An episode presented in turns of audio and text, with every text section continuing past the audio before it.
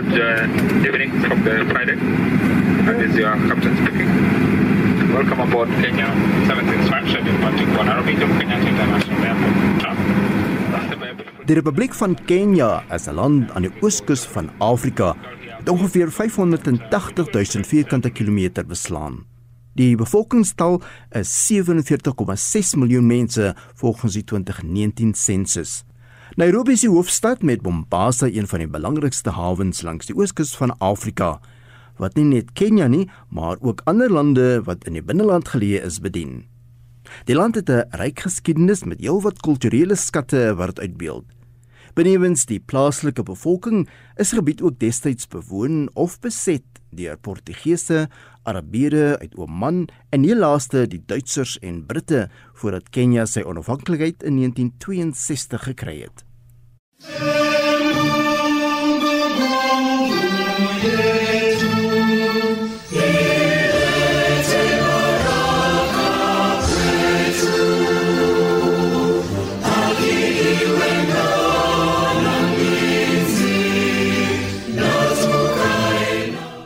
hierdie dokumentêre program gaan ek 'n bietjie fokus op die suidoostelike hoekie van Kenia in die omgewing van die baie ryk historiese eilandstad Mombasa en ook 'n gebied net noord van die hawe stad.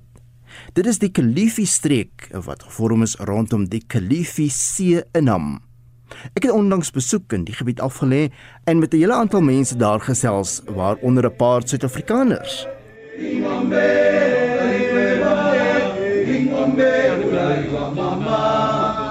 'n Besoek in die ooskus van Kenia moet 'n besoek aan Mombasa insluit, veral die Jesus Fort. Mohammed, my gids, vertel nou meer oor die ontstaan van die fort, wat destyds nes ons eie kasteel De Goeie Hoop as 'n beskermings- en militêre fort gedien het. It was built by the last captain from Malindi and the first captain of Mombasa, Mateus Bechos Mendes. So it was during the Portuguese Vasco da Gama and his voyage to India. So these people, they didn't know where's India by sea. The Suez Canal was not yet open. But finding the people of Mombasa, they were unfriendly to, the, to them. They had to sail about 120 kilometers north to Malindi, and is where they established their first settlement or factory along the coast of East Africa. So they stayed in Malindi for almost 120 years. En hoe die aankoms van die Arabiere in Kenya destyds die situasie verander. They lay siege to the fort for two years and nine months between 1696 to 1698. For food supplies and exchanging of the soldiers, they depend on the ships at the shore opposite the fort. But they had enough water, which was collected from the roof of the church and the barracks to the Portuguese water system. So there was no water shortage when the fort it was under siege for two years and nine months. But on 13th December 1698, the Portuguese captain was killed and survivors surrendered. Wat het na die Arabiere se heerskappy in Mombasa gebeur? Mohammed, my gids by die Jesus Fort, verduidelik. British were invited to protect Mombasa against other Arabs in 1824, then then withdraw it and gain full control as a country, Kenya. And we got our independence in 1963. Dis interessant dat 'n relatief klein landjie vandag, Oman, destyds omtrent die hele ooskus van Afrika beset het. Because it's, it's almost like the same people because Swahili is the second language in Omani. The Arabs control uh, the coastal strip of Tanzania and Kenya to Kismayu in Somalia. The 10 mile strip, it was under the great Sultan who ruled in Omani. It's when the last Sultan of Omani overthrown in Zanzibar is when Tanganyika became Tanzania and also is when the islands of Tanzania became part of Tanzania and Mombasa joined Kenya. So gesels Mohammed die gids by die Jesus Fort in Mombasa.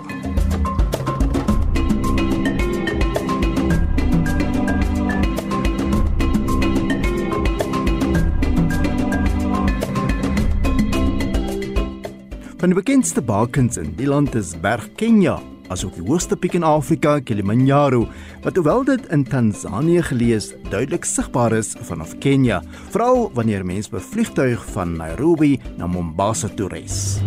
On our way to Zanzibar, today flying at 21,000 feet above sea level. And on the right hand side we get a good view of Mountain Kilimanjaro. And those not familiar with Kilimanjaro is the highest point in Africa and the top stands at 19,340 feet above sea level. Approximately 6,000 meters above sea level.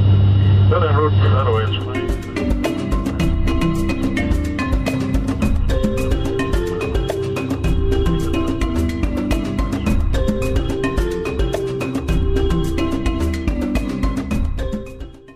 Groot was my verbasing toe ek by 'n oord in Kalifi, die Narani oord aankom en my eerste Suid-Afrikaner daar raakloop. Hy is Henk Venter, die bestuurder daar wat nou al 12 jaar in Kenia woon en werk. Ek wou eers weet wat was die grootste uitdaging toe hy destyds in Kalifi aangekom het. Vir my was die grootste uitdaging maar gewees die toeganklikheid van dinge. Hier in Kenia is dit uh, omdat ons in die platteland is basies 60 km van Mombasa af. Dit wat jy nie hier kan kry nie, moet jy in Mombasa gaan soek. So baie keer gebeur dit dat 'n uh, eendag maintenance job verander in 'n 3 dag, 4 dag job. Die toerismebedryf op die oomblik trek 'n bietjie swaar. Hier in Kenia toe ons hier aangekom het byvoorbeeld was daar heelwat internasionale toerisme wat hier gekom het en toe gebeur election violence in 2007, Westgate in 2014, COVID in 2020. So daar's permanent uh, probleme met toerisme in Kenia. Die mense hier is baie afhanklik van toerisme om deur te kom. So al hierdie klein jakkelsies wat daar is, vreet heeltyd alles op en dis baie keer goed buite jou beheer. Daar's niks wat jy daaraan kan doen nie. Jy moet maar net aanhou met jou uh, met jou bemarking en so aan. Dit is bekend dat dat Kenia besonderse goeie wildreservate het en dis asof jy aan die kus moet kompeteer teen daardie tipe van uh toerist of 'n persoon wat dit sou verkies. Hoe maak julle met bemarking? Bemarking vir die kus basies werk ons baie nou saam met uh, Kenya Hotel Association en die Coastal Hotel Association om mense meer bewus te maak van die kus. Kenia het fantastiese mooi strande, al die pad van Diani deur tot in Lamu. En mense dink altyd dat die wit strande is net Zanzibar en daai plekke en oor die algemeen is Kenia se kus net so mooi soos en, en indien nie mooier as van die ander eilande wat hier in in die uh, Indiese Oseaan is nie.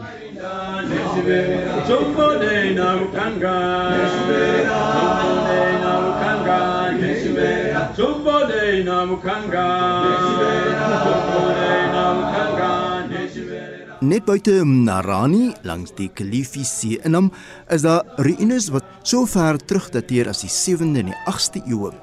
Ek het met Anne 'n gids by die ruïnes gesels en wou weet wie was die mense wat so ver terug geleef het in die gebied.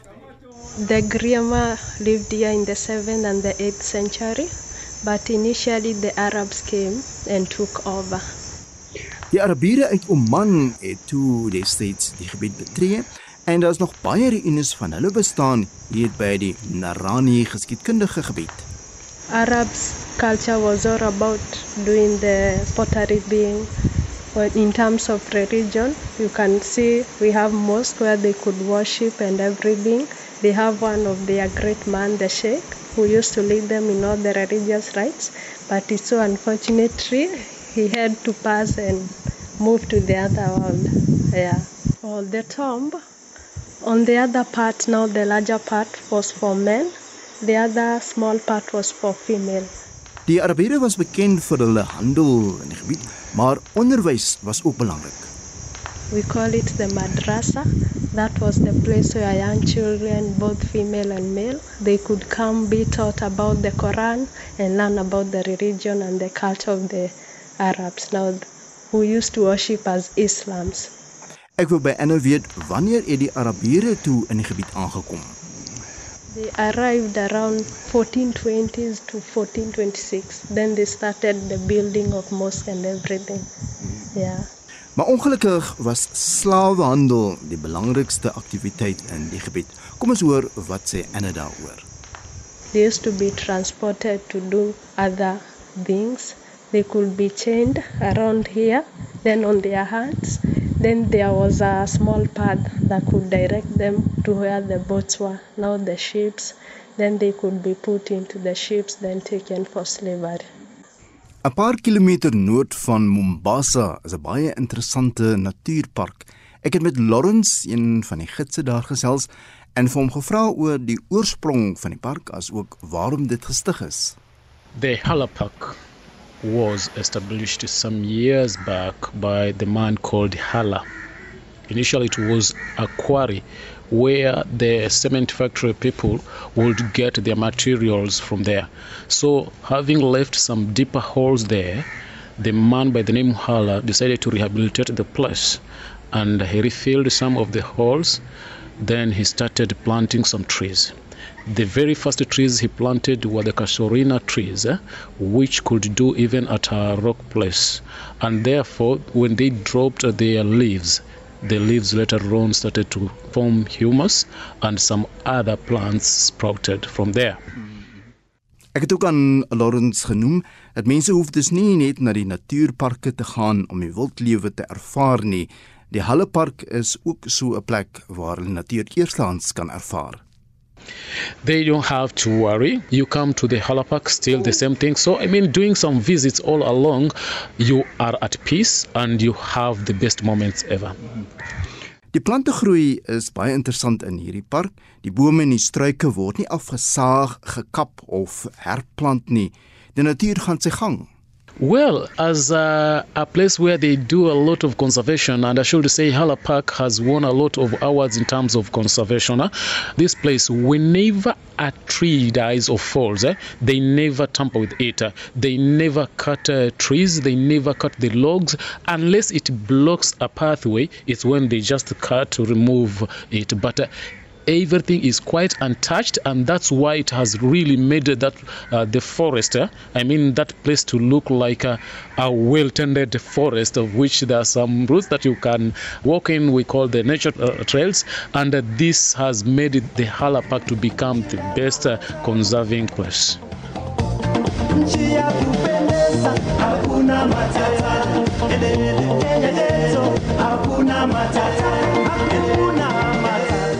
Tydens my besoek aan Kenja het ek een oggend al langs die oewer van die Kilifi See inham opgestap en op nog 'n Suid-Afrikaner afgekom wat ook reeds vir geruime tyd daar gevestig is, Estel Buitman. Sy naam Pieter bedryf 'n vasmeerplek vir seiljagte en ander klein bote. Ek wil by haar hoor wie hulle bedien in die vasmeerplek. Ons het uh, 'n uh, groot variëteit van kliënte. Kliënte kom reg oor die wêreld en seil in hierso by Kilifi Creek om by ons te kom kuier meestal van die bote het um, werk nodig. So ons het ons is 'n working boat yard. Ons doen reparasies aan die aan die yachts en dan party kliënte bly hierso vir 'n jaar, vir 'n halwe jaar, seil in, seil uit. So dit is basies reg oor die wêreld. Kliënte van Suid-Afrika, Duitsland, enige enige plek oor die wêreld kom hulle vandaan. Uh, is die bedryf seisoonaal? Ja, dit is definitief seisoonaal. Dit hang maar af oor die gety en ehm um, die monsoon. So kliënte seil makliker in oor Desember, Januarie, Februarie en in hierdie tyd bly hulle gewoonlik by ons tot die gety weer verander. Maar nou as hulle hier by julle aandoen benewens die herstelwerk, wat van visvang, veral diepseehengel? Ja, ons het verseker diepsee hengel. Ons het kompetisies Desember, Januarie, Februarie en Maart. Die meeste van die diepsee hengel is um lokale mense wat nie regtig spesifiek kom vir vir visvang nie, maar van die uh, van die jotties, hulle geniet dit om vis te vang en ook gaan hulle graag reis. Hulle gaan ehm um, Sawe toe, hulle gaan kyk bietjie diere, daai tipe van ding. So julle soort van 'n halwegstasie hier langs die kus. Is daar versoeke waaraan julle moet voldoen? Laat hulle miskien vir julle weet waarvan hulle hou, wat hulle graag wil doen? 'n meeste van hulle versoek um, om ons te help met die reis, waarheen hulle moet gaan, wat, se fasiliteite hulle kan kry in ander gebiede in Kenia, ook hoe om hier um, met die visas en daai tipe van goed help ons hulle baie. Geld ruil, daai tipe van ding. En dan die braai natuurlik, almal geniet 'n braai. So hulle hulle gee nie om nie. Hulle bring hulle vleis en ons braai dit vir hulle. En dan die die plaaslike mense, hoe betrokke is hulle by die bedryf self? Ek neem aan van hulle help met die herstelwerk en en sulke tipe van dienste. Ons het ongeveer 35 plaaslike mense wat vir ons werk. Dit strek nou oor bote, reparasies, waiters, kokke, al daai tipe van ding. En ons vir 35 mense voed ons onge, ongeveer 400 mense in Kenia. Skoolfooie, elke gesin het ongeveer 10 mense waarna hulle kyk. Uh, dit lyk vir my asof die mense ook baie vaardig is. Ek het nou so deur die dorpie gestap hier op pad na julle toe en oral waar ek gesien het was mense besig met een of ander entrepreneurskap bedryf. Hulle is baie kundig wat allerlei beroepe en ambagte betref. Verseker, die mense is um baie entrepreneur georiënteerd en elkeen wil 'n geldjie maak. Party doen houtwerk, party uh, met 'n toektoek, die ander het 'n motorfiets en hulle ry jou rond en hulle kom na jou en vra vir jou, kan ek vir jou ietsie doen? Kan ek jou rondry? Kan jy wil jy by my neute koop? Daai tipe van ding en dit is baie goed want daar is nie 'n groot hoeveelheid kriminele aktiwiteite nie. Almal probeer eerder eerlik om geldjie te maak. Nog 'n Suid-Afrikaner wat saam met haar man hulle voete kom vind het in die Narani omgewing is Almo Venter. Ek het ook met haar gesels oor die lewe in Kenja en hoe pas 'n mens uit Suid-Afrika aan hier in die vreemde. Ons is nou al amper 12 jaar hier. Dit was 'n interessante begin. Dit was my eerste keer in die buiteland gewees. So ek het glad nie geweet waarvoor ek myself inlaat nie en dit was na 'n 2 uur lange rit van die lughawe om hier uit te kom interessant om by so 'n ongelooflike mooi plek uit te kom en die uitdagings um, en die kultuur en die mense te leer ken. Jy praat nou so van uitdagings en die kultuur. Kom ons begin eers by die uitdagings. Mense is nog gewoond waar jy na die naaste supermark toe gou hardloop en daar kry jy alles wat jy nodig het. Hierso is dit nou nie so eenvoudig nie. Alles is nie so gemaklik beskikbaar op jou voorstoep nie. Aan die begin het ons nie 'n winkel gehad soos Naivas sentrum soos wat daar nou is in Kilifi nie. Nee, jy moet al die pad Mombasa toe ry vir inkopies elke week. Jy's nie gewoond aan die medisyne wat jy hier kry nie. Jy verkies maar jou medisyne wat jy mee ge groot geword het. Jy mis jou bladjang en jy mis jou ma se konfyt en sulke goed, maar 'n mens pas aan. Aan die begin het jy altyd jou eie spesiale goedjies in jou tasse teruggebring en intussen kom jy agter dat dit is eintlik net 'n ander lewe en jy pas net aan en jy leer om om dit te geniet en te waardeer vir wat dit is. So dit het lank gevat en dit was stadig geweest, maar op die ou einde is dit 'n huis weg van die huis. As jy nou so praat van 'n mens wat aanpassings gemaak het, wat was vir jou die grootste en die moeilikste uitdaging wat jy te bowe moes kom en en hoe het jy gemaak om dit te oorkom? My grootste uitdaging is dat ek ewe skielik saam met my man gewerk het. Ek het nog nooit saam met my man gewerk nie. So om 'n spasie te deel en my bestuurstyl en sy bestuurstyl saam te te gooi was interessant, maar ons het van die begin af geweet ons wil so 'n projek aanpak. My ander groot uitdaging was om my persoonlikheid te laat aanvaar word of aan te pas sodat die kultuur en die mense met wie ek werk in my span my sal aanvaar, maar dat ek hulle ook sal respekteer in die manier hoe hulle dinge doen. Dis 'n klimaat met 'n verskriklike hoë humiditeit wat alles natuurlik stadiger maak. So dit is sekerlik ook 'n faktor wat 'n mens moet verstaan as jy die kultuur van van die mense in jou omgewing wil begryp en daarbey wil aanpas. Dit is definitief 'n um, groot impak. Die klimaat die leefwyse. Een groot ding wat ek geleer het is dat ek met al die klein goedjies, die klatter, dis nou Engels, die klatter in my lewe kan sonder klaarkom. Jy het nie al die goedjies nodig nie. Jy het nie nodig om winkelsentrums te hê waardeur jy doelloos stap elke dag nie. Jy gaan, jy het wat jy nodig het en jy jy kry dit en jy kom terug. En dit is dit is wat ek waardeer het van hier kom werk en kom bly om te leer dat die eenvoudige dinge in die lewe eintlik die egste goed is wat jy wat jy nodig het. En om en en almal is vriendelik en almal is oop en hoewel jy met ander uitdagings soos die klimaat moet nou rekening hou eh, kom jy agter dat daar eintlik soveel voordele is en soveel egte dinge en spesiale dinge wat jy wat jy moet raak sien en waardeer vir wat dit is. En as jy nou so aanpassings maak, um, dan leer mense nou sekerlik oor die veral die kos byvoorbeeld, jy het nog praat van bladjang wat jy nou mis. Is daar nuwe goed wat jy hier ontdek het wat nou jy waarsonder jy omtrent nou nie kan klaarkom en nadat jy nou vir 12 jaar hier gewoon het nie? Ek moet sê ek ek ek ehm um, waardeer hierdie mense se manier van speserye gebruik, van kook op 'n ander manier. Ek is mal oor geurende en ehm um, warm kosse. Hulle doen curries baie goed. Hulle doen speserye baie goed. Hulle hulle weet hoe om te kook op 'n eenvoudige manier sonder te veel onnodige uh, bestanddele. Dit was lekker geweest om dit te leer doen. Are we going to make a beef pilau, right? Yes. normal cubes, cubes of fresh meat. You cut it nicely, wash it, and keep it aside. There's also some spices which you normally prepare. The spices should be grounded. Make sure that it is in a powder form. Chopped onion, Die tuin maak was 'n uitdaging. Dit wat jy weet is waterwys en kan ehm um, die ergste hitte en droogte weerstaan is ewe skielik nou 'n uh, bietjie van 'n ander benadering want jy is aan die kus. Jy is nie so hoog bo seespieël soos byvoorbeeld in Pretoria of Johannesburg of in Beaufort Wes waar die droë lug is nie. Dit raak nie so koud in die nag nie. Jy moet met al daai goed, jy weet, uh, rekening hou. En en die humiditeit, dit is vir my al ewig warm ek mis nie Suid-Afrikaanse winters nie.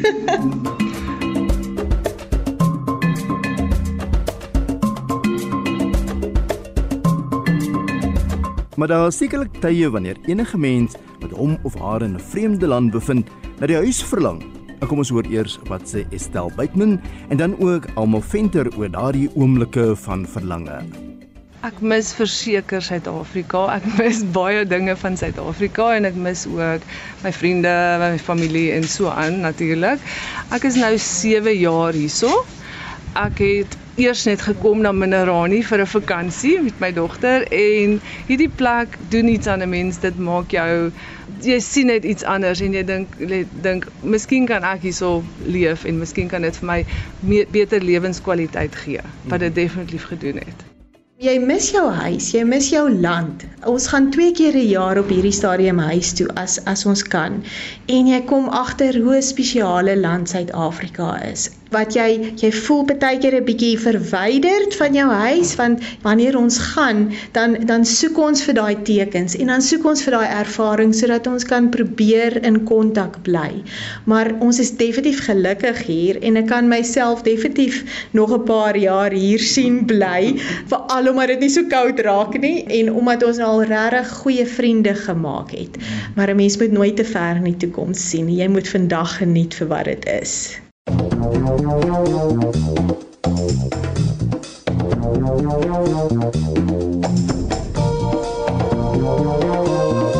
A very good morning, ladies and gentlemen, from the flight deck, your first officer.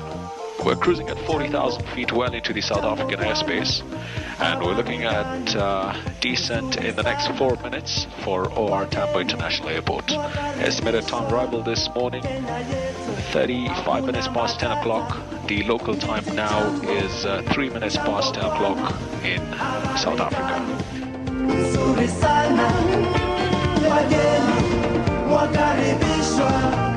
Kenya yetu hakuna matata.